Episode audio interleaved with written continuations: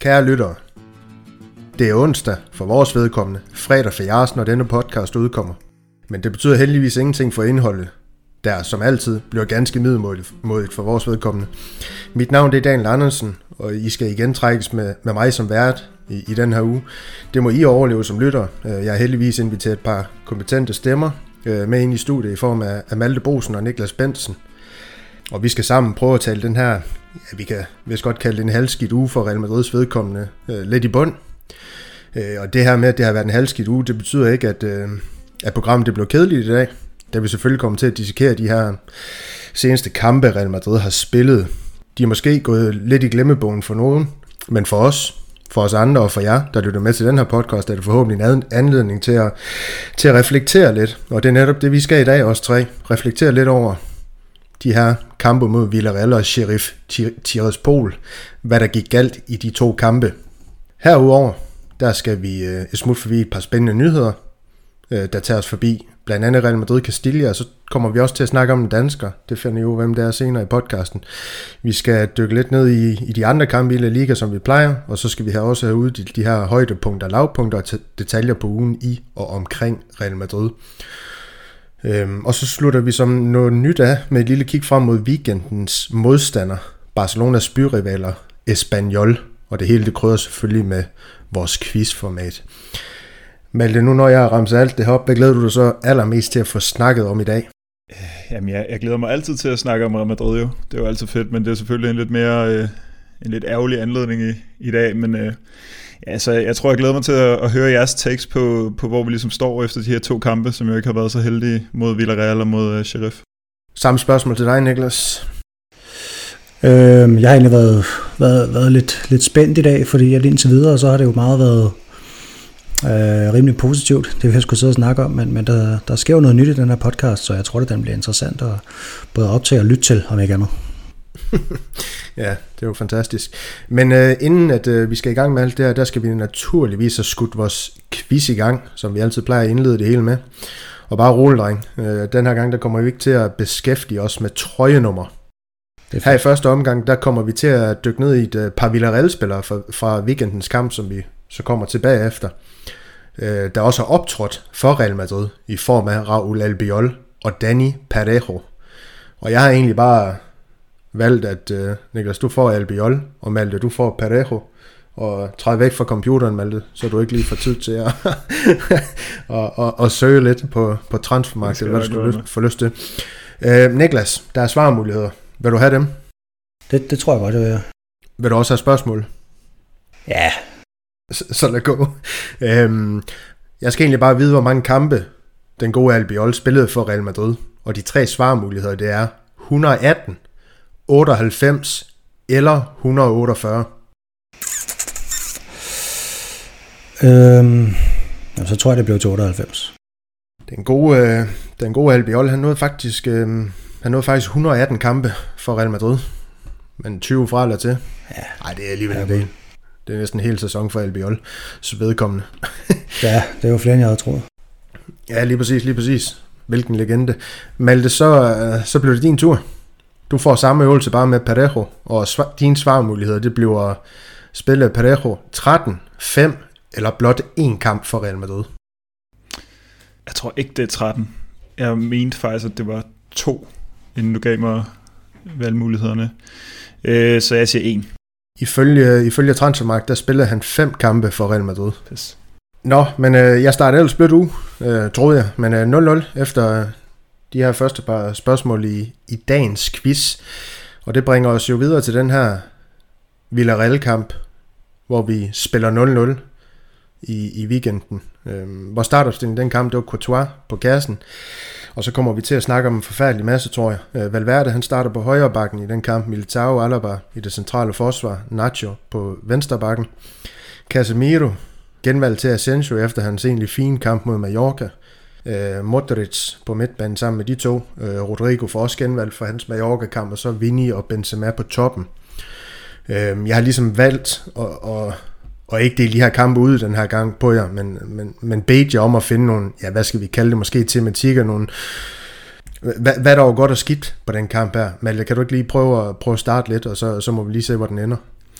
Jo, det kan jeg godt. Øh, jamen især hvor vores første halvleg virkelig skidt. Øh, vi havde 37% boldbesiddelse i første, det kom vi så bedre med øh, på i anden halvleg, hvor vi havde 60. Øh, 183 afleveringer i den første halvleg og 317 i den anden.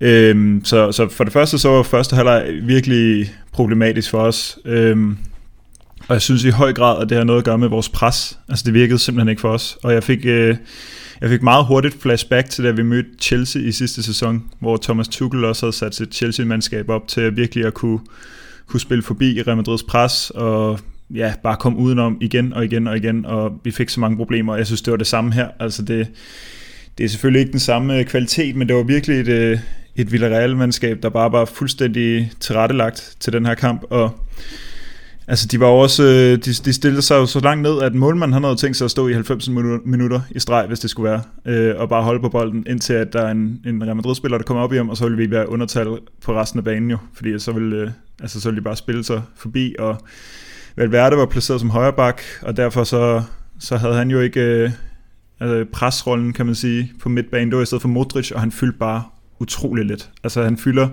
han, han tog ligesom den rolle, som jeg synes Kroos ofte har med at være den, der leder presset, og altså det er som om, altså det er nok både noget alder, og så også bare, han er, altså jeg ved ikke om det, altså han så bare så lille ud i det der pres, at det var, det var alt for nemt at komme igennem, og de der meget øh, stærke, øh, sådan stærke midtbanespillere som Capue, eller Capu, som de virkelig havde problemer med inde på midten, og så pasningsstærke Parejo, og altså det var, det virkede meget sådan apatisk, altså det virkede som om Real Madrid, altså, altså 9 ud af 10 af de her kampe var blevet 0-0, Øh, og den eneste chance, vi rigtig havde, det var den på Militao, synes jeg, i, i anden halvleg, hvor han, hætter, hvor han ikke får hættet mod mål, men bare får ramt bolden i stedet for. Ja, og, og du siger noget interessant, som jeg lige kan smide videre til dig, Niklas, det er, at øh, Villarreal de virkede forberedt på opgaven. Det virkede som om Emery, han havde, ja, øh, hvad skal vi sige, læst Real Madrid godt på en eller anden måde. Det her med, at man, når Real Madrid har bolden, stod, stod rigtig, rigtig lavt, og selvfølgelig også kendte sin besøgelsestid på den offensive side af banen. Øh, Foyt, deres højre bak, ja, han, han, han får jo faktisk både et Vinicius til at ligne en, en middelmål bedre den her kamp, og så synes jeg også, at det var lidt gæk med vores øh, venstre side, sådan helt generelt. Øh, stærk indsats af ham. Ikke noget, jeg har set komme, sådan, sådan, sådan inden kampen. Men det interessante her, det er jo, Emery har for, forberedt Villarreal godt. Hvordan havde Ancelotti forberedt Real Madrid på den kamp her? Fordi vi ser jo nogle måske taktisk lidt underlige ting her, tænker jeg især Valverde på den her højre bak, som jeg ved vores øh, gammelfar i panelet, der ikke er her i dag, han var svært utilfreds med. Ja, det, det øh, jeg var også noget overrasket, da jeg så startopstillingen, vil jeg sige. Øhm, måske ikke så meget over Nacho på venstre bak, fordi det, det er en af de svære kampe, og man kan måske forsvare den, selvom, selvom jeg ikke selv synes, at Nacho han skal spille venstre bak på Bernabeu. Øhm,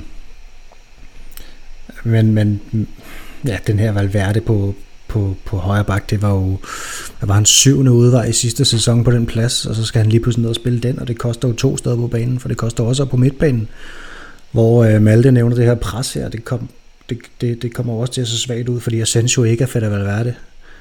Øhm, og, og der gik en halv time, før jeg sad hjemme i stuen på mine blødende knæ og tjekkede og bad Ancelotti om at flå Asensio ud af den her kamp. Altså, for mig at se manglede der sådan set ikke meget andet, end at han tog Asensio ud og satte Miguel Gutierrez ind, for, for ligesom at få fundet kontrol. Og det skete bare aldrig. Og i anden halvleg, så var det heller ikke Asensio, der betød. Så var det Rodrigo, der betød, og så blev Asensio skubbet frem på den her kantrolle, hvor han egentlig ellers var færdig. Øh, ifølge Ancelotti, nu var han midtbanespiller, men, gjorde jo absolut ingenting på den her højre kant, som, som som jeg synes, det, han har for vane, og for mig lignede det med den udskiftning egentlig, at man måske ikke var helt utilfreds med faktisk bare at neutralisere den her fodboldkamp. Nej, ja, det er jo, det er jo rigtig, rigtig Ja, i hvert fald trist musik i ørerne på mig, nu når det er en hjemmekamp på Bernabeu. Malte, du vil gerne øh, smide en kommentar i puljen. Jamen, jeg vil lige tilføje noget til Valverde, fordi jeg synes jo, det virker som om, at han, øh, at han havde gået med det mest kompakte, sådan kraftige forsvar, han ligesom kunne diske op med, med, med selvfølgelig med Militao og Alaba, men så også med Nacho og Valverde, altså store, hurtige og stærke gutter, ikke? Øh, men jeg synes jo, det har lidt modsatte effekt, når, altså med Valverde på højre bakken, fordi altså han, han er, han er god til at, at, at, øh, at presse frem og ligesom fylde noget i det offensive, men han, han, man kan godt se, at han ikke er bak, når ham Dan Juma der, øh, Villarreals venstrekant, han kom til at stå overfor ham. Der var flere gange, hvor han, altså sådan en lille, hurtig, øh, letbenet øh, kantspiller der, han får lige vippet ham forbi og kommer frem til, til skudchancer, altså så, er det jo ikke, så nytter det jo ikke noget. Altså der, der kan man bare se det her med, at, at en, en spiller ikke har erfaring på den plads, og så, så, så er det jo lige meget, at han er, han er stor og stærk og kan vifte spillere væk, hvis, hvis spillerne alligevel kommer til, til skudchancer. Så det var sådan lidt en...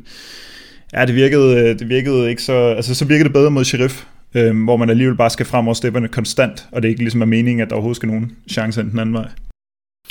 Ja, og jeg kan godt uh, allerede nu love, at, uh, at Valverde han bliver et, uh, en gennemgående spiller i den podcast her, fordi uh, jeg tror faktisk, det var i sæsonoptakten, jeg snakker om, at han også godt kan blive lidt offer for at han, øh, han har den her store motor og kan spille så mange positioner, vi ikke kommer til at se ham nødvendigvis spille hans, øh, ja, som vi alle er enige om, går ud fra bedste position ind på 8'eren. Jeg synes også, sheriffkampen, som vi kommer til øh, her bagefter, at han bliver spillet lidt for langt til højre efter min smag, øh, og ikke... Øh, øh, hvor hans dynamik op igennem banen, den ikke kommer til sin ret på samme måde, som den ville øh, lidt mere centralt. Men som jeg skrev til vores øh, gammelfar i vores interne tråd, så det her med, at Valverde han spiller højre bakken, det betyder ikke, at de tre andre inde på den centrale midtbane, de skal spille fuldstændig elendigt. Øhm, Casemiro. Niklas, vil du ikke lige øh, knytte et kommentar på hans, øh, formoder jeg, er vi enige om, øh, formdyk? Jo, han, han har gang i en... Øh, han har haft en svær sæsonstart. Ja. Casemiro, han laver sindssygt mange fejl på bolden. Han sidder langt fra sin modstander. Øhm, når han ikke har bolden, det gjorde han også i går på, på det første mål. De scorer uh, Sheriff. Han er måske ikke uh, lige hovedpersonen, men, men, men, men uh, det, er jo, det er jo ringen, der breder sig i vandet, kan man sige, når man ikke sidder tæt. Um, og så, ja, jeg synes især det her med på bolden. Hold kæft for hans løse. Mm. Altså jeg synes virkelig, der er mange beslutninger, som han bare overhovedet ikke bør tage. Øhm, mange afleveringer over 10-20 meter, hvor han bare slår den direkte fødderne på modstanderne. Det, altså for mig at se, der skulle han ikke have spillet den her fodboldkamp. Han, han fik jo allerede et hvil mod... Øh, ja, han blev taget ud mod Villarreal, ikke? Og, og, og spiller så... Spiller nej, ikke mod Mallorca. Spiller ikke mod Mallorca. Men, men ja, altså for mig, der kunne, kunne han have hvilet ind til landskampspausen næsten. Det, det, det, han ligner en, der har brug for det, synes jeg. Jeg tænker, det er det. Det er jo ikke, det er jo ikke et niveaudyk. Det handler jo om, at han, uh, han virker udbrændt, simpelthen der er også blevet draget sindssygt store veksler på ham under Zidane, altså, og det har man måske ikke brug for længere. Nej, lige præcis, og det er jo derfor, altså, og det er derfor, det også er ganske underligt, øh, set ud fra, at en Blanco, han ikke kan komme ind og få noget mere spilletid. Han kunne måske ikke have gjort underværker, men også spille en, vil jeg mene, øh, når man ser lidt i bagspejlet, en bedre kamp, end, end Casemiro også gjorde mod Sheriff, som vi kommer til. Men øh, altså, Villarreal, de skal selvfølgelig også have, have ros for at være solid på bolden, har jeg skrevet, rolig, og, og de kom for at gerne vil spille fodbold på Banabeu. Øh, det, øh, det var måske også derfor, at vi ikke lykkedes med at øh, presse i den her kamp, fordi de egentlig bare var gode på bolden og gode til at spille os udenom det. Men der er alligevel en masse ting, jeg sådan har valgt at stille nogle spørgsmålstegn ved. For selvom Malte, at uh, Asensio han spiller den her gode kamp mod Mallorca, hvor han får et hat og, og så videre, og Rodrigo han også øh, spiller en fin kamp. Altså sådan en kamp her, hvor Villarreal helt tydeligt står øh, tæt i kæderne, øh, lidt tilbagetrukket på en eller anden måde, når Real Madrid selvfølgelig er i angreb, sjovt nok. Havde det ikke været bedre med en mellemrum, øh, mellemrumspiller øh, til at, ja, hvad skal vi sige, ligge og, og bryde lidt op for det. Jeg siger ikke, at det skulle have været Hazard, men også Isco. Altså er det ikke lidt en fejl at starte med både Rodrigo og Asensio, der ikke excellerer i det, nogen af dem, altså til at, ja, hvad skal vi sige, hvad den her mellemrumspiller. Altså jeg kunne godt have set Hazard i den her kamp for eksempel øh, gøre underværker for Real Madrid spil. Jo, altså Hazard er jo sin helt egen diskussion, fordi altså, han kan jo simpelthen, øh, der, der er bare ikke noget øh, output med ham, heller ikke i en kamp mod et øh, moldovisk hold.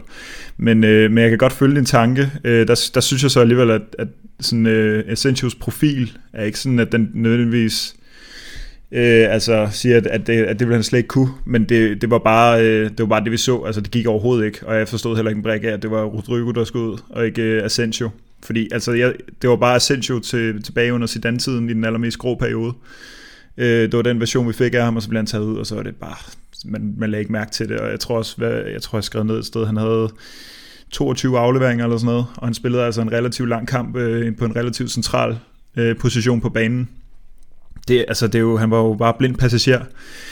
Så, øh, så ja, det, det er jeg enig med dig i. Øh, man kan så sige, at problemet indtil videre med at bruge sådan en som Hazard, det er jo, at, øh, at så kommer vi måske netop til at få den udgave af Valverde, som du, ikke, som du lige sagde, du ikke kunne lide, netop hvor han skal trække lidt ud til højre hele tiden. Øhm, så der er, nogle, der er nogle dilemmaer, som jeg tror, øh, som jeg tror Ancelotti han sidder og tænker over lige nu, fordi altså hvordan skal, får han skabt bredde og mellemrumsspil samtidig og sådan noget, det tror jeg lidt var, det kunne godt have været øh, en del af tanken med Rodrigo og, og Asensio, men det fungerede jo ikke, og så irriterede det mig også. Altså det, det er den første kamp, jeg har siddet og haft det sådan, at, at nu kan jeg slet ikke følge Ancelotti i hans valg. Altså nu virker det sådan øh, stedigt på en eller anden måde, at, øh, at hvad værd det også skulle blive dernede og sådan noget, så, så ja, det var, ikke, det var ikke godt med Asensio, og han skal ikke, øh, han skal ikke starte den næste gang.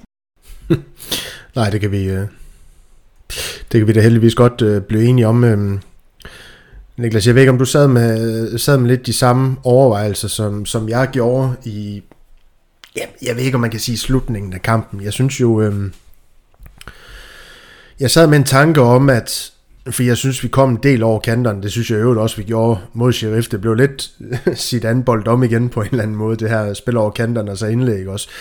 Hvorfor forsøgte man ikke i den her kamp mod Villarreal måske at få Alaba ud på den her venstre bak i stedet for Nacho, rykke Nacho ind centralt for at skabe noget mere kvalitet over venstrekanten, nogle ja, øh, også bedre indlæg, øh, hvor man måske kunne ramme nogle af spillerne. Øh, det ville måske også gøre, at man kunne have fået flyttet Vinicius ind i en lidt anden position, kan man sige. Det er bare en, det er bare en, helt, det er bare en tanke, fordi muligheden er jo der med Alaba, ikke? at man kan lave de her rotationer i kampene. Ja, det bliver gjort et par enkelte gange, og det gjorde det også i går, hvor det er ham, der kommer til indlæg fra en, fra en, lidt, mere spa, en lidt mere smal position, end, end en bak måske typisk vil gøre. Øhm, han er blevet centerforsvar nu, Alaba, og, og sådan er det. Øhm, han, er jo, han er jo sindssygt meget på bolden, altså usædvanligt meget på bolden. Han, øh, nu kan se, i den her kamp her, der har han bolden 6,3 procent af tiden i hele kampen. Øh, mod, mod Sheriff er det endnu vildere, der har han 10,9 procent af hele kampen. Altså 11 procent en enkelt spiller, ikke? Øhm, men ja, som Malte siger, det, jeg, jeg sad nemlig også med den her, hvad fanden, hvad, altså hvad er det, der foregår? Hvorfor gør han de her ting? Den her kamp var langt, for mig langt mere frustrerende, end, øh, end kampen i går var det. Øhm, fordi jeg sad med den allerede efter 20 minutter, og bare tænkte, hvad, hvad altså, det, der bliver truffet nogle beslutninger her, som er øh, altså, sindssygt mærkværdige. Øhm, og det synes jeg jo ikke, der gjorde mod Sheriff som sådan. Det, der, der ville bolden bare ind. Øhm, der kunne man jo egentlig ikke sige så meget til det, der blev gjort, synes jeg. Jeg synes, den her kamp her, den var... Det er den mest frustrerende i år, i hvert fald. Og, ja, ja, netop, altså indskiftningerne kom på, jeg ved ikke engang, de kom for sent. Det var nogle forkerte indskiftninger. Du fyrer løs, Malte. Ja, det er lige hurtigt til det med, med Alaba i centerforsvaret. Jeg tror, det kommer til at handle om, at, at at altså center, centerforsvaret er jo en helt særlig position, og jeg tror, at øh, altså fordi der, der er så meget på spil, ikke, hvis man laver fejl, og det, jeg tror, det er så afgørende, at spillerne ligesom uh, tror på hinanden og, og ved, hvad hinanden gør, og, sådan, og det, der tror jeg bare, at med sådan helt nyt centerforsvar med Militao og Alaba, så der er bare ikke noget at rafle om, at de to, de skal spille, og det er også derfor, at Militao er den eneste sammen med Courtois, der har fået fuld spilletid indtil videre. Alaba kunne sidde ude med, ja, var det corona, eller var det en skade? Det var vist nok en skade. Øh, han kommer kun ud på venstre bakken, når der virkelig er, er mangel. Jeg tror, jeg tror, det handler om det. Altså, der er bare ikke, det er bare sådan, det skal være i starten, så det der centerforsvar kan blive spillet godt sammen. Ja, og Alaba, han har jo også en fordyden vist, hvad for en karakter han er derinde. Han har, ja, han har, han har faktisk spillet godt. Øh, den er ikke så meget længere. Øh, hvad er der med at sige? Altså, vi, vi havde øh, en, en højere XG end Villarreal den her kamp. Vores den, nu er jeg inde på understat.com, øh, vores den lå på 1,54 og deres 0,67.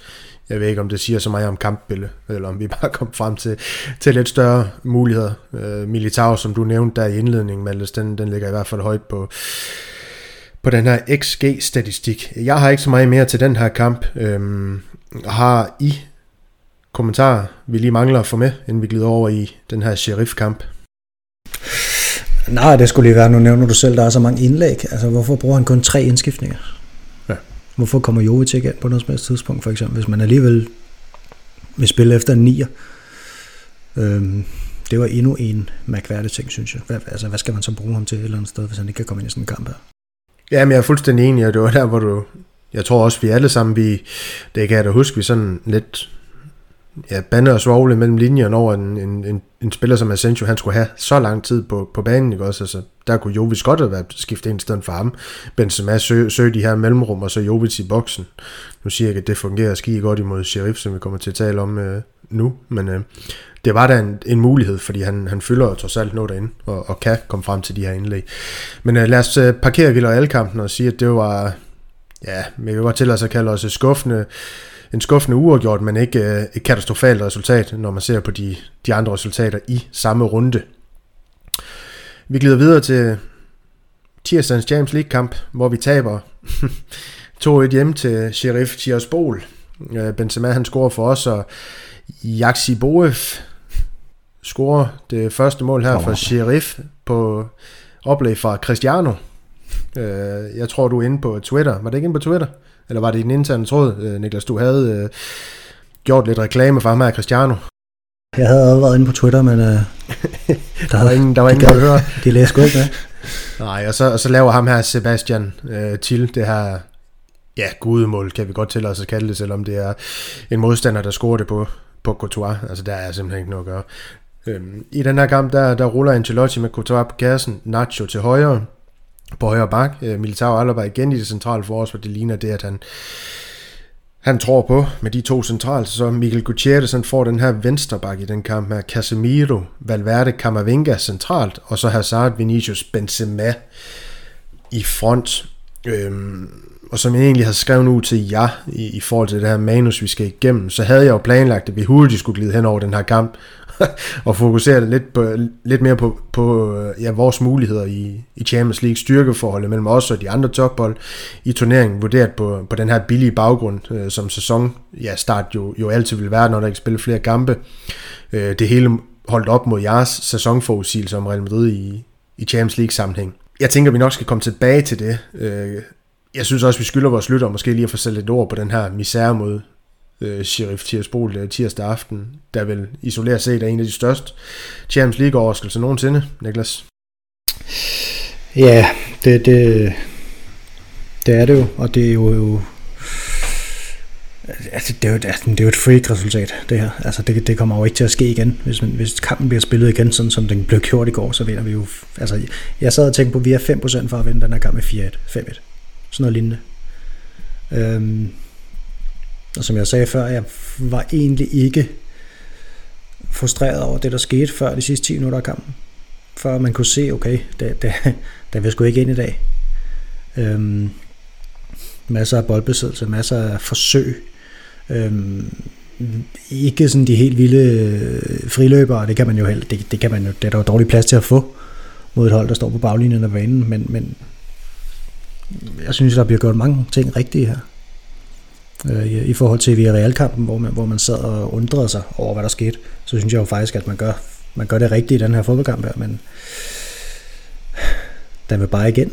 Og, og så ender det jo en gang hver 100 år med, at øh, så tager man sådan nogle kampe her.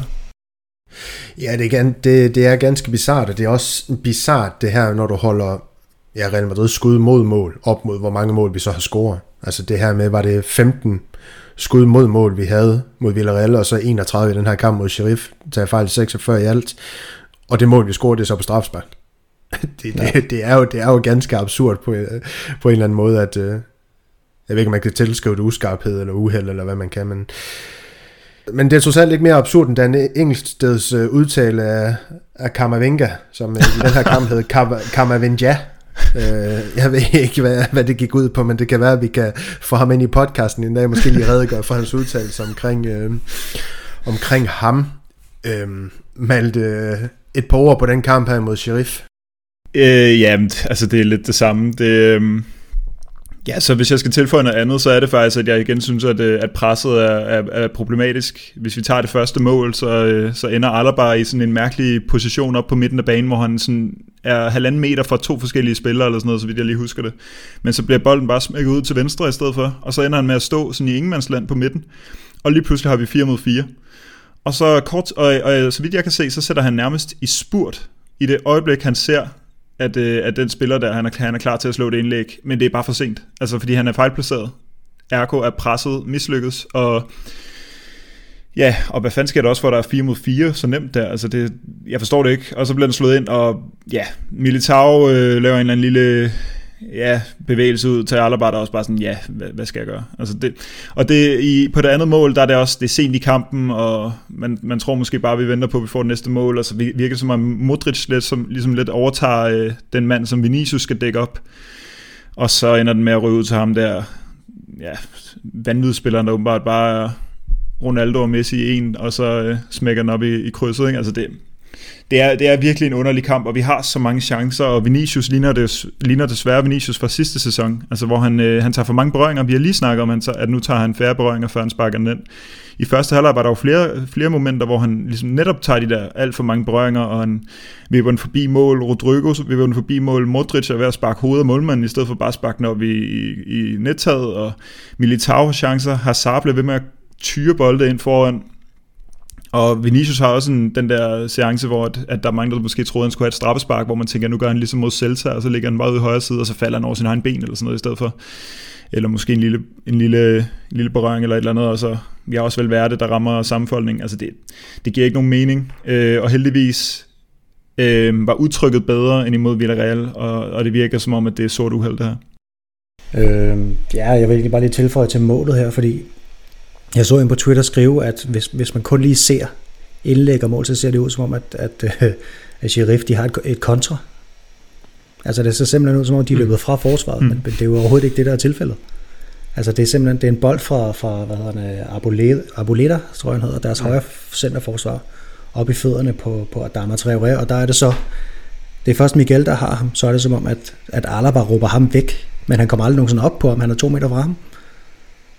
Og han lægger den så bare af til ham her, Sebastian Til, som, som det er, der scorer den anden mål, og han vender bare rundt og bare smækker en fuldstændig perfekt aflevering ud til Cristiano derude, øhm, som så bare kan, kan slå det her indlæg ind til, til hvad hedder han, Yakshubayev, øh, og der hælder Alaba bare to meter efter igen, fordi han har fået 5 meters forspring fordi han stod fejlplaceret før, øh, fordi vores presspil ikke er der, og Kamavinga og Casemiro er ikke i nærheden af deres midtbanespillere, og det, altså det, det, det, dårligt, øh, det, det dårligt organiseret forsvar, der lukker sådan en mål derind, fordi det, altså i etableret spil, der bør de jo ikke, der bør vores centerforsvar ikke skulle spurte tilbage efter bolden på et indlæg, altså.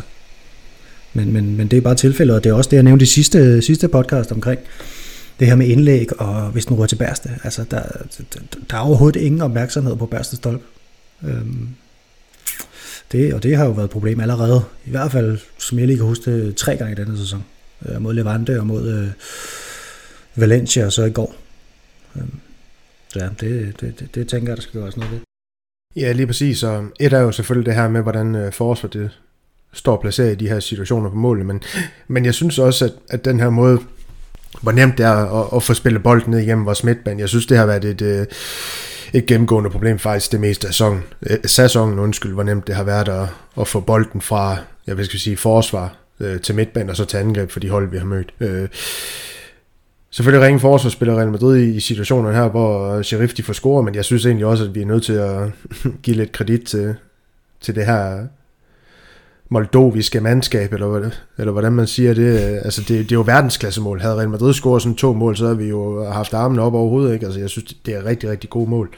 Øh, Malte, du, havde du hånden op? Du ville gerne tilføje et eller andet? Åh, oh, det, ja, det, det er lidt tid siden, men øh, det var egentlig bare for at runde lidt mere positivt af vores talestrøm før mig, Niklas. Øh, fordi øh, vi har jo haft de her åndssvage hjemmenederlag øh, et par gange i de sidste par sæsoner, men hvis man ligesom tænker tilbage på dem, så synes jeg, at man har en meget mere positiv øh, vurdering her efter den her kamp, altså på en eller anden måde, fordi Ancelotti var også ude at sige, at intensiteten var der, viljen var der, der var mange chancer, det så vi selv. Hvis vi sammenligner det med sådan nogle hjemmebane nederlag, som for eksempel til Ajax, hvor vi blev slået 4-1, til CSKA i Moskva, hvor vi blev slået 3-0, tror jeg det er. Vi havde Cardis sidste sæson, vi havde Shakhtar i sidste sæson, så er det trods alt, altså hvor vi taber, så er det trods alt en, øh, altså en, øh, ja, uheld er trods alt bedre end, øh, end bare enormt dårligt. Ikke? Så, så forhåbentlig er det bare en, øh, forhåbentlig er det en god lektie, som øh, Ancelotti også sagde, og så, så opretholdet sig til næste gang. Ja, og vi må jo håbe, at øh, en spiller som Vinicius, han også opper sig, fordi som du, var det ikke dig, Malte, der jo. sagde det, han er, han er på vej ned i en, øh, i en bølgedal igen, hvor han ikke lige har, har tur i den, desværre. Øhm, og som jeg også sagde, så synes jeg, at Valverde han bliver spillet på nogle, et af den højre bak, men også det her med, at han skal trække så langt ud til venstre. Jeg synes jo nærmest uanset, hvor han spiller Valverde, så han en, en fabelagtig spiller. Jeg, jeg elsker den her dynamik, han kommer med, men den skal simpelthen ind centralt i banen, så man kan tro øh, og forflytte lidt på de her kæder, øh, de har holdt de stille op kompakt, øh, Niklas. Ja, det, det er jo lidt det, man får, når man spiller han sammen med en, en Hazard, som skal spille øh, på papiret højre kant, ikke også? Fordi han, det er ikke der, han kommer til at ligge. Han kommer til at ligge centralt, og så kommer han til at ligge i venstre side. Det er meget sjældent, at han, at han egentlig får bolden øh, med ansigtet mod målet i højre side, så det bliver, det, det bliver Valverdes ansvar, når han spiller den.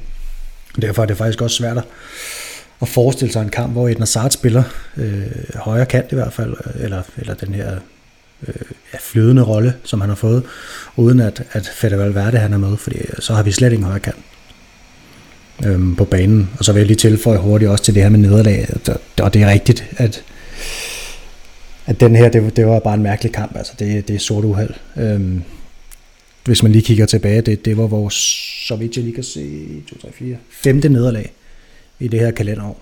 Øhm, hvor vi, vi tabte 2-1 i januar til Levante, og så havde vi det, den her til Alcoyano, også i januar, øh, kampen efter, tror jeg faktisk som jo var fuldstændig miserabel, altså hvor, hvor vi skabte ingenting, og så, så tager vi så også øh, en Supercup-kamp til Atletic, også i januar, hvor, og det var det samme, det var også bare elendigt, altså virkelig, virkelig dårligt, ikke også? Øhm, den her, det, det, den tænker jeg, det, jeg synes ikke, det er en tendens her. Der er selvfølgelig en tendens til, at vi er ukoncentreret i, eller i forsvaret.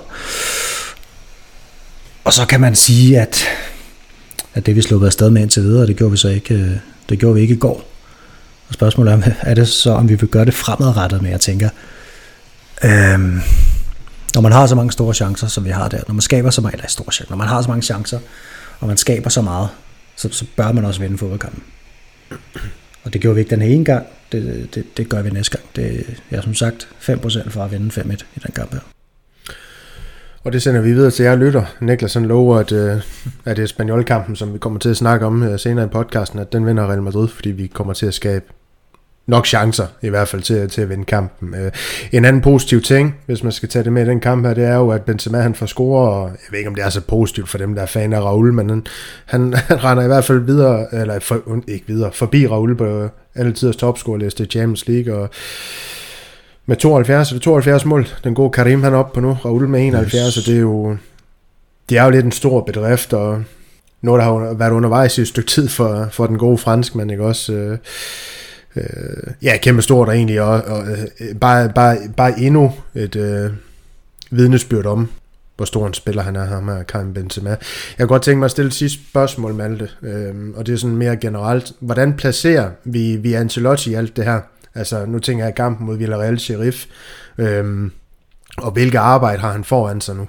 Jeg synes, at øh, jeg har en fornemmelse af, at Ancelotti han selv øh, er i gang med at finde ud af nogle ting. Vi har været inde på mange af de her ting med Altså han var også ude at sige efter Villarreal-kampen, at hvis, han, hvis han laver en fejl, så vil han, eller hvis han fortryder, så vil han ikke sige det officielt. Ikke? Øh, og det, er jo, det giver jo god mening. Altså, ja. Der siger han måske også lidt mellem linjerne, så at, øh, at han måske fortryder nogle af de valg, han tog imod Villarreal. Altså det kunne sagtens være, at øh, Valverde skulle ned og lægge som, øh, om, som højreback, og han var også tilbage op på midten. Så jeg, så jeg tror, at Ancelotti han er i, i en øh, eksperimenteringsfase, hvor han ligesom prøver nogle forskellige ting af. Der er også det her med, vi har jo været inde på med Hazard og, og, og Valverde på, på højre kanten, altså hvordan, hvordan skal den højre kant i det hele taget fungere, så, så ja, altså hvordan, hvordan placerer vi ham det? Jeg synes ikke, øh, altså jeg synes ikke, vi behøver at rette nogen kritik imod Ancelotti endnu, mm. øhm, fordi han har jo stadig skabt noget flot Carlo Ancelotti bold, og han kæmper stadig for at få forsvaret til at, at, at stå ordentligt, så ja, jeg vil egentlig ikke, jeg vil ikke hive Ancelotti ind som nogen stor faktor, eller på nogen måde sådan, øh, rigtig lægge ham til last på det her. Jeg, jeg tror bare, det, det er stadig meget nyt. Altså, det er utroligt, hvor godt vi kommer i gang med den her sæson i forhold til, hvor mange, øh, altså hele vores forsvar er nyt, og, og, og træneren er ny, og Hazard, som spiller kontinuerligt på Real Madrids hold, er også ny. Øh, Vinicius niveau, og at han skal spille 90 minutter, er også nyt. Altså, der er mange ting, der skal, der skal falde på plads, øh, og det tror jeg bare, øh, altså vi er stadig meget tidlig i sæsonen. Spændende, spændende. Lad os, øh, lad os slutte på den. Slut øh, ja, det indslag, vi har med, med kampene for den her gang, og så lad os hoppe videre til de nyheder, I har fundet frem fra madridist.dk. Øh, nu slutter Malte med at snakke, så Niklas, du får lov til at rulle din ud. Øh, eller nyhed ud. Øh, Den her med, at Ancelotti angiveligt skulle være interesseret i Male som erstatning for Cavaral. Ja, og øh, det er jo egentlig meget skægt. det kunne være meget skægt med en dansker i, i Real Madrid. Men det, det, som jeg tænker med det her, det er egentlig, at, øh, at Jorge Melle, han er jo ikke, øh, han er jo ikke højre bak. Han er jo, han er jo vingbak. Øhm, så, så, og, og og der, hvor vi ser ham fra Danmark, hvor han nok er allerbedst, og hvor han spiller kontinuerligt, der er han jo venstre vingbak, så det, for mig at se, så, så ville det være rimelig mærkværdigt, hvis det var ham, man gik efter, og så, så er det også en spiller, der kun spiller halvdelen af kampene for Atalanta. Øhm, så han ville nok være en forholdsvis billig løsning, men, men udover at jeg selvfølgelig synes, han er en fremragende fodboldspiller, jeg øh, er selv at finde i parken, når, når Danmark spiller ofte, øh, og der gør han det jo altid godt, men men det er altså en, en anden historie at komme til Real Madrid, så jeg tror, det vil blive svært. Jeg tror, det vil blive rigtig svært. Øhm, en ting at skulle spille i en firmands, en firmandskæde lige pludselig. Øhm, og i Atalanta kan han jo godt spille højre på højre side. Det gør han jo også en gang imellem for Danmark, hvis der bliver skiftet lidt ud. Men, men det er sådan, den, den her, den er jeg ikke sådan helt op at ringe over, det må jeg sige. Ikke fordi, ikke fordi jeg ikke synes, han er god, men simpelthen fordi han, det er en anden profil. Og så synes jeg også sådan, for min eget øh, hjertes skyld, det ville være sindssygt ærgerligt at gå ud og bruge penge på en højere vingbak, når man har solgt den bedste højre vingbak i verden for 40 millioner euro, altså for et par år siden, ikke? Det synes jeg ville gøre ondt. Jo, men det ville det helt sikkert, men det var jo Hakimi, der Ja, desværre. Selv vil han har spilletid, eller man kan jo ikke sige desværre, man kan jo ikke uh, laste ham for at vel ud og, og spille fast nu, når han åbenlyst har kvaliteterne til det, ikke også? Um, jeg må jo så bare sige, altså det her med Mæle, jo, han spiller den her venstre vingbak for det danske landshold, men det er jo også et udtryk for problemerne på det danske landshold, at man ikke har været dygtig nok til i DBU-regi, hvad skal man sige, at, at udvikle de her venstre backs. Øhm, og højre bakken, der er det danske landshold jo fint nok. Øh, hvad skal vi sige, besat øh, i Daniel Vass, der vil spille den primært nu under julemand. Øh, og det har så bare gjort, at øh, Mæle han skal over på venstrekanten, hvor han, eller ja, venstre bak, venstre vingbak, hvor han også gør det, gør det fortrinligt. Så, så du får jo bare en spiller, hvis det er ham, øh, Real Madrid, de vælger at, at lande på et eller andet tidspunkt, der kan udfylde de problemer, vi har på venstresiden, men også det, vi står med i højre siden. Så du får en spiller, der, der kan bruges hister her. Jeg vil så også sige, altså, når jeg er inde og kigge på transfermarkt, nu er jeg jo for Aalborg egen. så jeg så ham jo også på Aalborg Stadion, og der var det jo højre bak, han kom frem som. Altså der spillede han 20 af sine 24 kampe, nej 27 kampe, undskyld, som, som højreback eller højre bak, ifølge transfermarkeds op, øhm, opgivelser i, i Genk, der, der havde han 104 kampe på højre bak. Hvordan de så opgør det, det ved jeg ikke, fordi han havde 12 på højre midtbane her. Men, men så skifter det så, ikke også, hvor han er kommet til Atalanta, hvor han har spillet øh, langt flere kampe, som det de øh, karakteriserer som højre midt og, og venstre midt, ikke også. Så der, der er sket noget efter han kommer til Atalanta, det er også klart, når Gasparini han, han spiller fodbold, som han gør, men jeg siger ikke, at han er en, en, en god defensiv bak, fordi nej, det er han ikke, men han, kommer, han, han vil kunne tilføre Real Madrid nogle, ja, nogle offensive ting, som vores bakshiv vel i virkeligheden også mangler lige for tiden. Malte, jeg ved også, du har en lidt anden holdning. Du går nok i, i Niklas' boldgade i virkeligheden. Ja, ja, det gør jeg. jeg. Jeg er faktisk meget enig med alt det, Niklas siger. Jeg kan også godt huske selv, at, øh, at altså Mele på højre bak, jeg tror det var U21 EM, hvor, for mange år siden, hvor jeg så ham første gang, og hvor han virkelig gjorde det godt fra den position. Øh, man kan så også sige... venstre der også? Nej, jeg tror, han spillede på højre. Det kan også, nej, det, det var nok til venstre. Det, det, I hvert fald på en bak. Det var ikke som wingback. Ja. Øhm, men nu kan man så også sige, lige, altså lige her i, i talende stund, der har han jo der starter han ikke inde i Atalantas kamp øh, her til aften imod i Champions League. Øh, han blev så skiftet ind på grund af en skade til en anden spiller, og han har heller ikke startet ind i de sidste to, så altså, han, skal også lige, han skal også lige finde sig til ret hos Atalanta i det hele taget i første omgang. Fik du lige fornærmet noget der? ja, ja, jamen, jamen det, det er også fuldstændig rigtigt. Øhm, det er også fint nok, at vi, vi nødvendigvis ikke er de samme holdninger i panelet. Det, det, det gør jo også, at, øh, at det vi snakker om, det kan blive diskuteret på, på vores forum, men også i, i, ja, inde på matadist.dk podcast på Facebook, hvor de kan køre en kommentar på det, der bliver sagt om Joachim Mæle. Jeg kan se på, på nyheden, der er lagt op øh, inde på vores øh, primære Facebook-profil øh, matadist.dk, der generelt er, er positiv til gengivelse over øh, netop det her rygte. Øh, ikke sagt, at, øh, at I er undertal, men øh, jeg er i undertal den her podcast, i hvert fald i forhold til, at Mæle han skal til Real Madrid eller ej. Så skriver jeg ind med Damsgaard til Real Madrid, så ser vi, hvordan, hvad der sker. ja. Han er også en populær mand, det Mæle, det må man sige. Altså. Jamen, det er han jo. Han, han er lidt blevet... Folk elsker ham. Ja, folkekære figur, men øh, lad os hoppe videre til, til noget, noget, der ikke er dansk. Noget Real Madrid Castilla, øh, som vi har forsømt lidt i, i podcasten indtil videre i sæsonen, men der er heller ikke spillet så forfærdeligt mange kampe. Men øh, senest der blev der spillet en kamp mod Albacete, som øh, poderne, om jeg så må sige, de taber 2-0. Øh, og Malte, det er lidt der, du gerne vil have dit afsæt øh, i den her snak, altså nyt nederlag til Castilla. Ja, øh, jeg vil gerne have noget fokus på Castilla, fordi øh, ja, lad os starte med at sige, at de har, de har tabt de tre kampe, de har spillet på udebane. Det er jo i, i første omgang problematisk, så har de vundet to hjemme. Øhm, det kan være, at der er nogen, der har sådan en, et positivt indtryk af, af Castilla, fordi de vandt 4-0 i en kamp tidligt på sæsonen, hvor ham her Oscar Aranda var virkelig, virkelig dygtig, og det var han også... Øh, jeg så øh, U19-kampen imod Inter, der var han også virkelig dygtig, men, men generelt er det jo et kæmpe problem for dem, at de, de får slet ikke nok point. Øh, og grund til, at jeg også gerne vil snakke om det, det er, at øh, altså, hvad pokker skal vi have Antonio Blanco i førsteholdstruppen for så mange gange, når han, er, når han, altså han er med til, til det formål, at hvis vi fører 4-0, så kan han få 13 minutter. Jeg var lige inde og kigge på transfermarkt. Han fik 90 minutter i Castillas første kamp, som de så godt nok tabte på udebane, men han fik 90 minutter, og han var anfører. Altså han har jo ligesom en, en rolle på det her hold, øh, en vigtig rolle. Og nu ender han bare med at være bænkevarmer på Real Madrids første hold. Og det er lidt det samme med Gutierrez, hvis han alligevel ikke skal spille. Altså det, det kan godt være, at han har lidt en anden... Øh, altså han, han er lidt mere fremtrædende på førsteholdet, men jeg kan også godt have Ancelotti mistænkt ham for at skifte ham ind, eller give ham spilletid, fordi han ligesom skal køre til stilling. Men så kan han vel også vurdere, hvis han altså åbenlyst ikke skal spille nogen som rolle mod Villarreal, jamen så lad ham dog spille på, på Castilla og give de her drenge noget, noget spilletid på et Castilla-hold, der også kæmper med tingene for tiden. Jeg tror også, at Ebers har været en del skadet. Øh, det er jeg faktisk ikke tjekket op på. Jeg har i hvert fald bare set, at han har været ude af startopstillingen, ude af truppen også. Øh, så, øh, så det er et Castilla-hold, der kæmper, og de er, de, lige nu er de to point over nedrykningsstregen. De er så også to point under playoff, fordi vi er så kort i sæsonen dog, ikke? men... Øh, men ja, jeg kunne godt tænke mig, at der var nogle, øh, altså der blev planlagt lidt bedre med de her, med de her drenge, og især Antonio Blanco tænker jeg på her, hvis han, øh, hvis han alligevel ikke skal, skal spille med. Han er jo ikke øh, nødvendig at have i førsteholdstruppen, hvis det alligevel var meningen, han skal ind til sidst i kampen for ja, få noget erfaring på førsteholdet, eller sådan noget.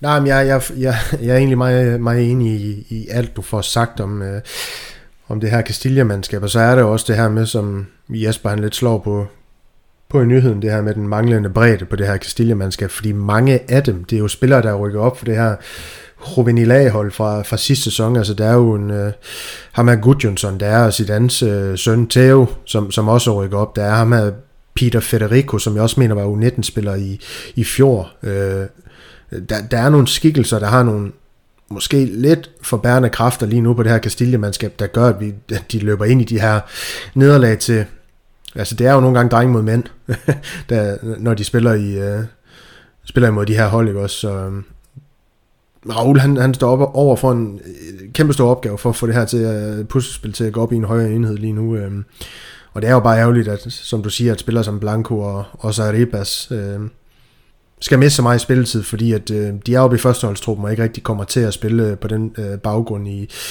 på det her Castilla-mandskab. Uh, Niklas, jeg har du fulgt med i Castillas gørne laden i den her sæson. Øhm, nok til, at du måske kan sætte lidt ord på ham her, Oscar Aranda, som, øh, som øh, Malte han fornævnt, for jeg synes jo netop også, at han har, har stået ud som en af de positive spillere for, for Rulles mandskab. Nej, ikke lige den her sæson faktisk, men, men øh, i forhold til, til hele tingen med Blanco og med, med Miguel Gutierrez, så tror jeg bare, man skal tænke det som hakkeorden i Real Madrid. Altså, det, mm hvis der er 1% brug for det på første hold, så, øh, så er det bare ærgerligt for andenholdet. Altså, det, det er sådan, det bliver, og det er måske det, det er rimelig skidt for, for Castilla, og det er måske i virkeligheden også lidt, lidt skidt for, for Blanco og, og Miguel, men øh, det er jo desværre sådan, det er nogle gange. Det er historien om igen med, med talenter, der, der måske ikke lige får desværre udfolde det egentlig potentiale ved at skal stå lidt i skyggen af andre spillere på første hold, og så ikke øh, ja, for at spille til andet sted. Så vi har jo også øh, haft målmandsdebatten et par gange med, med Lunin, ikke en Castilla-spiller, men stadig øh, en spiller, der er op til debat i forhold til, hvordan at han måske i virkeligheden får, får løst det potentiale, han, havde. Hvem ved, om han har det mere, Malte? Ja, øhm, jeg tjekker lige op på Arribas. Han, øh, han har selvfølgelig ikke været førsteholdstrup med Arribas, men han har været skadet i de sidste to kampe, så det er derfor, at Castilla også har manglet ham. Og så, så spurgte du ind til Aranda der, og øh, ham synes jeg, man skal følge, hvis, man, øh, hvis vi er så heldige, at Viaplay gider at vise nogle af de her U19-kampe for, øh, for, øh, ja, for U19-holdet i Champions League. Han er sådan en, øh, en virkelig kraftfuld øh, øh, kantspiller. Øh, enorm fart og sådan temmelig stor også, øh, og han er han virker faktisk som sådan en, øh, fordi det er jo, jeg synes ikke, øh, han er en af de der navne, vi, vi har hørt nok, eller hørt øh, så meget til, vi har hørt meget om de der, om Pipi, om Bruno Iglesias og Salazar og sådan nogle der. Øhm, så lige pludselig kommer der sådan en, eller det kan godt være, det kun er lige pludselig for mig, men han er i hvert fald en, altså han, han stråler meget på det, på det der hold, og han har også været god for, for Castilla i de kampe, hvor de rent faktisk har formået at, ja, at, at lægge et godt niveau for dagen. Men jeg tror også, at Oscar Aranda, han er en, han er en spiller, de har hentet ud fra til den her sæson, Matle. Jeg tror ah, måske, det er okay. derfor, vi ikke har hørt så meget om ham i, uh, i, uh, ja, i La Fabrica. Um, men, men jeg er enig, jeg synes nemlig også, de kampe, jeg har set med Castilla i den her sæson, også uh, i, i Youth League, at uh, han har virket som et, uh, et spændende, et rigtig, rigtig spændende bekendtskab, også med tanke på, at han er han ikke 19 år. Uh, der, der er noget... Uh, jo der er noget, der er noget udviklingspotentiale i ham her. Han er måske en lidt uortodox offensiv spiller på en eller anden måde, den måde han, han render rundt på det op, men, men, men spændende karakter med det. Ja, lige hurtigt, bare, bare lige for at vi får den rigtige info med. Han, han har været i Real Madrid siden uh, 2018, ifølge Transfermarkt, så han har trods alt ja, ja. været i, uh, i klubben i nogle år. det er godt, Malte, det er ja. godt, det er godt. Øhm, men uh, lad, lad os parkere den, lad os parkere nyhederne og sige, at, uh, at det var det for, for den her gang, og så lad os komme over i noget quiz. I skal revancere jeres øh, rigtig, rigtig skidt første runde, eller det er jeg ikke engang sikker på, I får, men I skal i hvert fald have et forsøg. Øhm, og det bliver et spørgsmål, I begge bliver stillet det samme spørgsmål simpelthen. I anledningen er, at Benzema overhaler Raul på altid os øh, mest scorende spiller i Champions League historie. Øh, efter den her straffesparkscoring mod Sheriff i tirsdags, kommer vi til at tage udgangspunkt i kongesønnen. Ikke Benzema, men Raul. øhm, det er et spørgsmål til jer begge to, som jeg lige sagde. Øh, jeg skal bare vide, hvor mange gange øh, Raul har vundet topscore-titlen i Champions League. Og så leger vi lige til, der er ekstra point, hvis man kan gætte antal mål. Bud på, hvor mange gange han har været topscorer. Jeg kan godt afsløre, det har han været. Øhm. Skal vi bare over ved munden på hinanden? Jamen Niklas, du, kan, du må gerne øh, lægge for land med, med dit bud. Okay. Øhm, så siger jeg, at Raul han har været topscorer i Champions League. 71 mål. Han har spillet... Han spiller, han spillet 15-16 sæsoner alligevel i Champions League. ja, det er der omkring i hvert fald. 17-18 måske endda.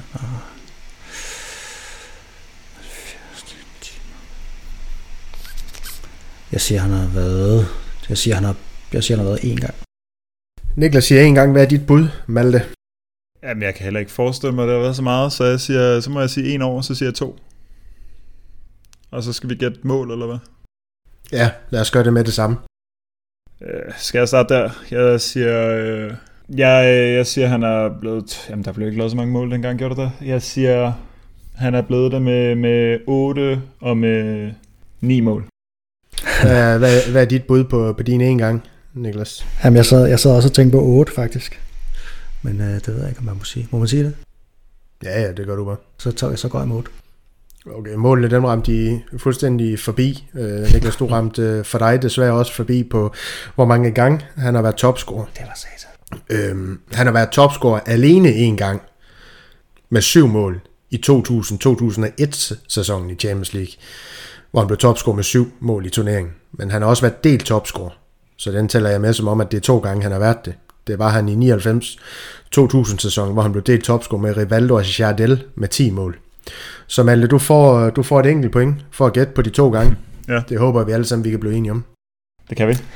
ja, ja. Og med ikke andet, så, så tager jeg bare beslutningen om, at det er sådan, det bliver. Så 1-0 um, indtil videre, men uh, der er dobbelt point i, i sidste runde. Så du kan stadig nå det, Niklas. Og, og det bliver rigtig, rigtig nemt i sidste runde, selvfølgelig. Det er jo sådan, ja, det plejer som altid. Så skal vi videre til Nordla Liga Bold, den runde, der er, er blevet spillet i weekenden.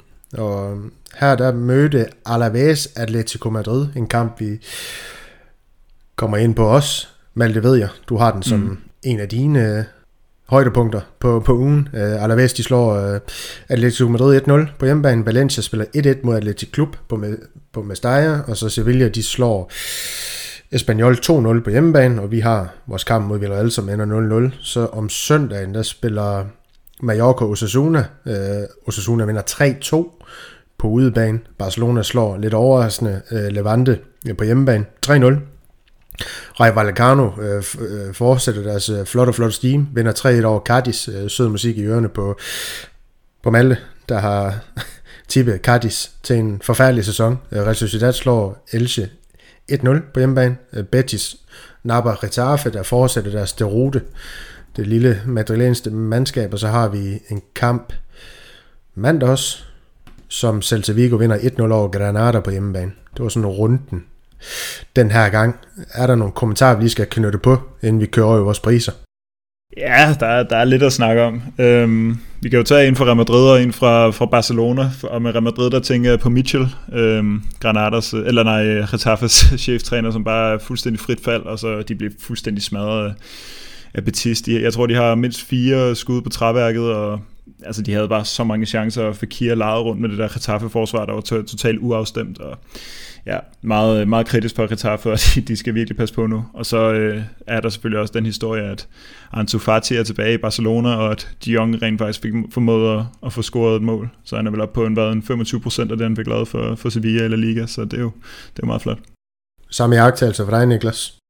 Nej, det var dejligt, at, øh, at Atletico ikke øh, fik scoret den her gang. Det var simpelthen det, jeg sad bare og ventede, ikke? Altså, på 98. 20. eller 140. minut, eller hvornår de nu skulle, skulle udligne. Men det var sådan, det plejer at være. Ja. Ja, ja, lige præcis. Det er sådan, det plejer at være, men øh, sådan var det den her gang, gang, det skulle ikke være. Det, ja, præcis. I Champions League, der lykkedes det jo også uh, ja. for dem at få hævet en, en sejr land i, var det 97. 20. minut den her gang? Ja, det, det, det, er, det er jo helt ubegribeligt, hvordan de kan blive ved med at score så langt ind i ja, dommerens ja. Ja, tillægstid. Men øh, lad os hoppe videre til de her højdepunkter, lavpunkter og detaljer. Øh, jeg kan lægge ud så. Mit ugens højdepunkt, det er ganske kort, at øh, vi endelig har Toni Kroos tilbage igen på, på fodboldbanen. Øh, også lidt fordi I øh, havde valgt nogle andre, som jeg selv har tænkt på, men øh, jeg synes, det er en dejlig historie at have ham tilbage, og jeg synes, øh, med til den her historie, øh, det her, der har været ude, om at han har spillet med store smerter i sidste sæson, og når man tænker på, hvor godt han spillede i sidste sæson, jeg synes, det er det vidner om en karakter, det her. Det, det vidner faktisk om en, en, en spiller, der har det her madridismo, som, som vi sætter stor pris på og elsker ved de her spillere. Jeg er stor karakter ham her, Toni Kroos, og dejligt ham tilbage. Jeg tror, det kommer til at betyde rigtig meget for Real Madrid. Det, det er jo bare min personlige holdning til tyskeren. Malte, højdepunkt boom. Jamen, det har vi været inde på. Det var Atletico, der endelig, endelig tabte, og da det så endelig skete, så var det mod et hold, der har tabt 5 ud af 5 kampe i La Liga og havde en målscore på 1-11. Så fedt nok. Ja, ja, lige præcis. Det er, det er rigtig, rigtig dejligt. Øh, Niklas? Det, det kom vi egentlig også lidt ind på i gennemgangen ja. før. Det var øh, det er kontroversielt, at øh, måske, men øh, Ansu Fatis øh, comeback til fodboldbanen, han har ikke spillet en fodboldkamp siden, øh, siden november 2020. Mm. Og øh, det, det kan godt gå ind og blive et problem for Real Madrid, fordi han er rigtig god ham her, men, øh, men hvis man skal vinde, så skal man også vinde over de bedste, og og der øh, kan Ansu Fati i hvert fald bidrage til, at, øh, at Barcelona de kommer derop igen på et tidspunkt. Der må gerne lige gå et par år, men, øh, men det er lidt sjovt at vinde, hvis man får noget modstand. Lige præcis, lige præcis. Og ja, det er jo en fin måde, han kommer tilbage på for at score det her mål. Øh, man kunne jo godt have frygtet for hans karriere nu, når han fik så gammel skade, men øh, heldigvis der, der får han score, og så må vi håbe, at de får ham ja, hvad skal vi sige, spillet tilbage i, i ordentlig stil, så han ikke får nogen tilbagefald på, på den skade her. Mit, øh, mit lavpunkt øh, på ugen, det har vi også været lidt, lidt inde på i, igennem den her podcast, det er, det er for mig det her med, at der tegner sig et billede af Valverde igen i den her sæson, øh, og endda under en ny træner bliver, bliver lidt et offer for, for sine mange kvaliteter, øh, som ofte bringer ham ud af position, øh, og, og det har vi set i, mod Villarreal på højre bakken, og jeg synes også, at vi til del så det mod Sheriff, og jeg mener, han bliver spillet for mig til højre, men øh, ja, vi må jo se, hvordan det, det arter sig i løbet af sæsonen, og om han kommer til at stå lidt mere i periferien af, af de her skikkelser i Modric og, og Kroos og Casemiro igen, men øh, man kan jo håbe, at øh, ja, det ikke bliver tilfældet, når man kan se, hvor mange kvaliteter han har. Malte, dit lavpunkt? Lige en hurtig kommentar til Valverde, så så synes jeg trods alt lige, vi skal være glade for, at han i det mindste spiller nu. Han spiller jo bare konstant, mm. og han spillede også for Uruguay, og han går ikke i stykker, og det er jo fantastisk, fordi det var der et problem med i sidste sæson. Men ellers er enig. Øhm, ja, mit lavpunkt har vi jo været inde på, det var det her med presspillet. Øhm, ja, Real Madrids øh, ikke fungerende presspil, men, men udover det, så kunne man jo så nævne øh, Thomas Delaney som et øh, alternativ, som jo øh, fik rødt kort for Sevilla for først at lave et, øh, først at få et gult kort, og så bagefter klap hun lidt af dommeren, og så få en udvisning, og det er jo ikke så fedt for, ikke så fedt entré for en, øh, for en, for en dansk spiller La Liga. Nej, lidt en skidt start. Ja, øhm, start. og Niklas, jeg ved også, at dit lavpunkt, vi har det, det starter vi faktisk hele podcasten ud med Ja, det, det er jo tema, kan man sige. ja. det, er, det er simpelthen resultaterne for den her uge. Det er jo, ja. det er jo et åndssvagt tidspunkt at tage momentum på, synes jeg, lige en landskampspause og sådan nogle ting. Så det, man, der, man kan selvfølgelig stadig noget vende tilbage. Der er en enkelt kamp endnu. Men øh, ja, en lidt ærgerlig uge. Lige præcis. Vil du ikke tage os videre til dine detaljer så på ugen? Det er, at uh, Athletic Clubs Iñaki Williams han har tangeret rekorden for flest La Liga-kampe i træk, øh, uden at misse en enkelt, og det er på det er 202 kampe i træk, han simpelthen har spillet nu. Han har ikke misset en kamp siden, jeg tror det er april 2016. Um, øhm, og det er jo fuldstændig vanvittigt at, at lytte til, når man holder med Real Madrid. Det, er, det, man kan ikke forestille sig, at han spiller, spiller bare en fjerdedel af det, uden at få en skade. Men øh, det er flot. Øh, så kan jeg fortælle, at Di Stefano, han fik jo et 171 i træk, så han er også han er deroppe af. Men, øh, guldkorn for Niklas, guldkorn for Niklas. Det udmærket af en Jacke Williams. Ja, ja.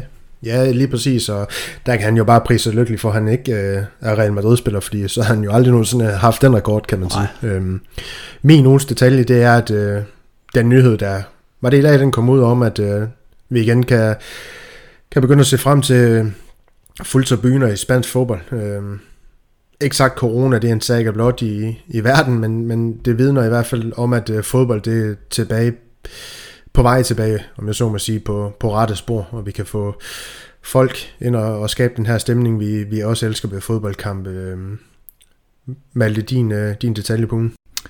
Jamen, der skal vi til, til en forstad i Madrid, Rayo Vallecano, øh, som øh, jeg tror, vi alle sammen så som, øh, som nedrykker før sæsonen, og som bare er bulret op og spiller virkelig fedt. Øh, ligger nummer 5 nu. De har fire sejre, en uafgjort og to nederlag, og så har de nogle fede spillere. De har en, især en fed højre side, øh, synes jeg, med Balieu og Easy, øh, som også scoret virkelig et drømmemål her i den seneste kamp, så det, det synes jeg bare er en fed historie, at de bare kommer op og, og slår til, og så har de selvfølgelig Radamel Falcao, som øh, har scoret i sine tre første kampe i La Liga for, for Rayo, det, det er jo også bare kanon at have ham tilbage, det er en fed historie.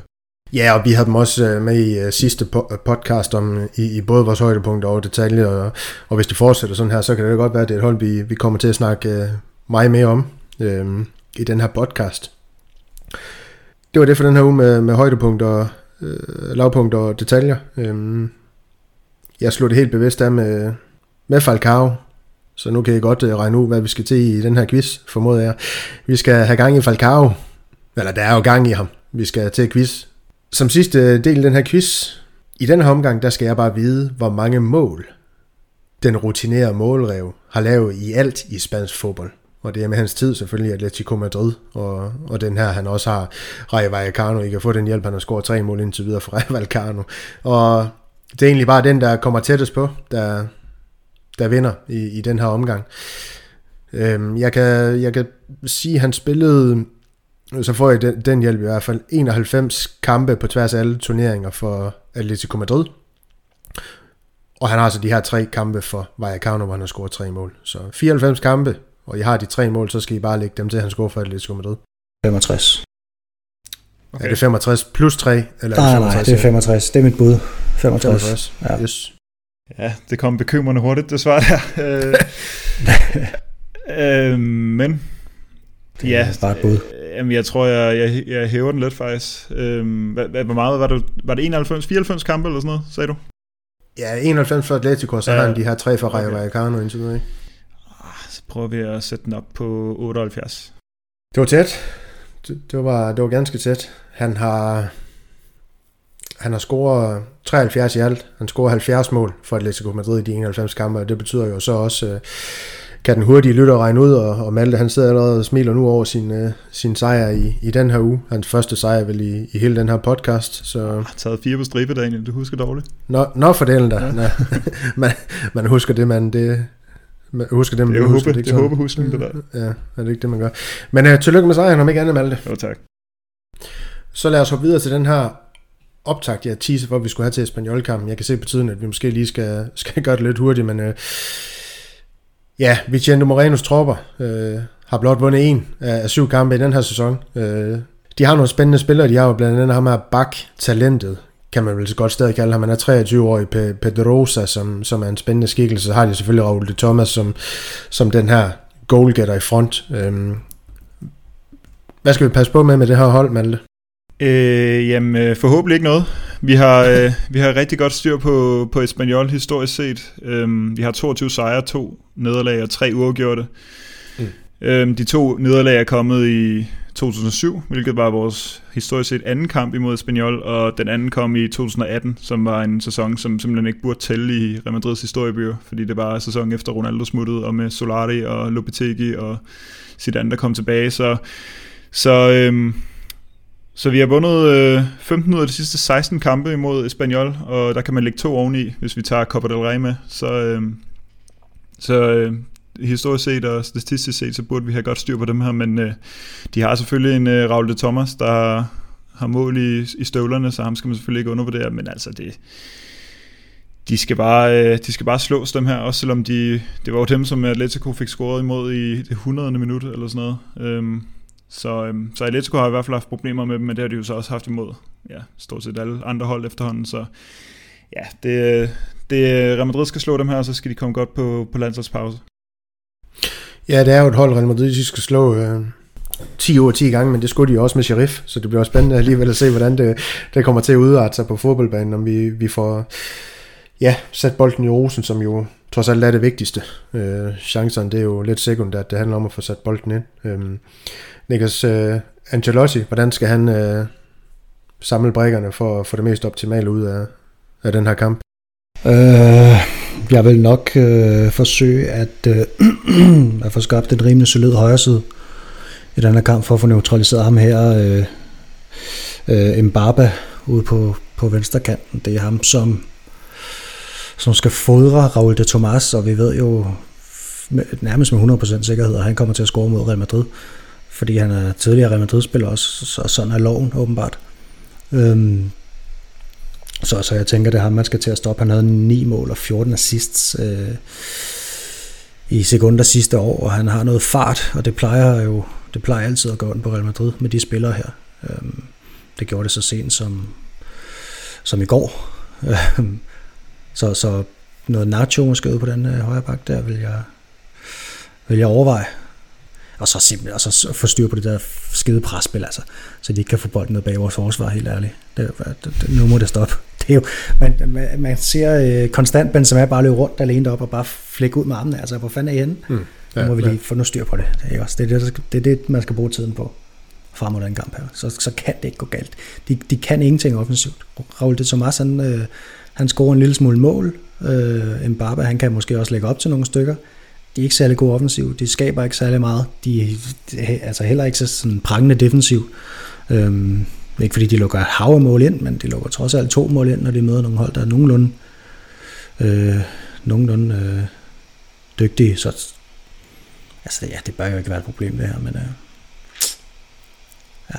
Man ved aldrig med Real Madrid, og, og, og, og, der kan man sige, at det er også fint at have Kroos tilbage, fordi synes jeg, en af de undervurderede ting i hans spil, det er netop, at han er god til at støde op i det første pres, så det kan måske øh, afhjælpe lidt på Benzema's øh, gestikuleren, nu når det, øh, spilleren de ikke rigtig hjælper til i øh, det her ukoordinerede presspil, Real Madrid de her gange, ligesom ja, de, holdene de jo har rigtig, rigtig nemt at, at spille sig ud af.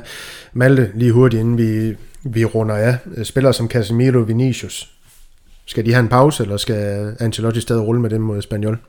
Det er jo lige før jeg er der, hvor det, øh, Casemiro ikke bare skal have en pause, men han decideret skal, skal bænkes, fordi øhm, det spiller jo ikke. Altså han... Øh, det, det er første gang, jeg har haft det sådan i, i mange år. Jeg synes simpelthen, han, øh, Altså, jeg synes måske, der er bedre alternativer, og øh, spil, øh, altså, der er mere energi i, i nogle af de omkringliggende spillere, og hans afleveringsprocent er for lave, nede i omkring sådan noget start 80'erne, midt 80'erne procentvist, hvilket ikke er nok overhovedet for en central midtbanespiller i Real Madrid, for et hold, der skal spille øh, ja, possession fodbold i en eller anden forstand. Så ja, han må gerne, øh, han må gerne ryge ud på bænken, og så Vinicius, jamen det kan godt være, at han faktisk skal have en pause. Det, det er nok et meget godt bud. Og så måske Hazard ud på, på venstre kanten, og så, øhm, og så kører man Rodrigo på højre, for at få noget, øh, få noget, få noget fart over den kant, så vel være, at han kan rykke lidt mere ind centralt, så han ikke skal ud i højre side hele tiden.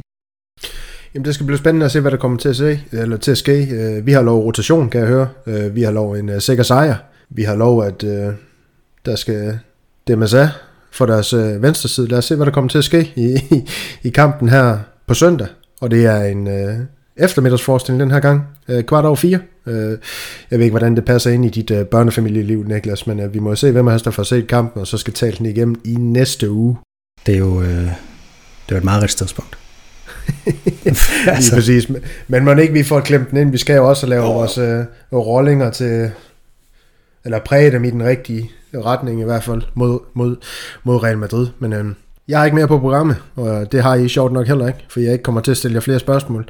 Øhm, jeg vil gerne øh, slutte af med, med at sende et øh, skud ud til Chris, Troels og Kenneth i den her omgang for deres øh, støtte øh, til podcasten via vores mobile paybox. Øh, og så sætter vi selvfølgelig også på de øh, øh, stor pris på de flotte kommentarer, der, der kommer med. Øh, vores vej, det, det varmer, det luner, og det gør, at vi har lyst til at, at fortsætte. Og så vil jeg selvfølgelig opfordre alle mulige andre til at, til at sende lidt støtte vores vej, så vi kan udvikle den her podcast øh, på flere områder. Vi har, vi har faktisk øh, rigtig, rigtig store ambitioner med den, øh, og det kan man gøre ved at sende os en, en håndsrækning, om jeg så må sige, via vores mobile paybox øh, nummer. Det er 1630 WV, hvis man har lyst til at støtte os, og det er også inde på vores Facebook-side, madridist.dk podcast. Og hvad en tro, der vil jeg også øh, opfordre jer til at hoppe ind forbi vores øh, sociale platform. Vi er på Instagram, vi er på Twitter, ja Facebook, og så har vi også vores forum, hvor der er en masse fed debat ind. Det var sådan set det, vi havde for, eller til jer i den her uge. Øh, på gensyn derude, og vi høres ved. Alla Madrid. Y nada más.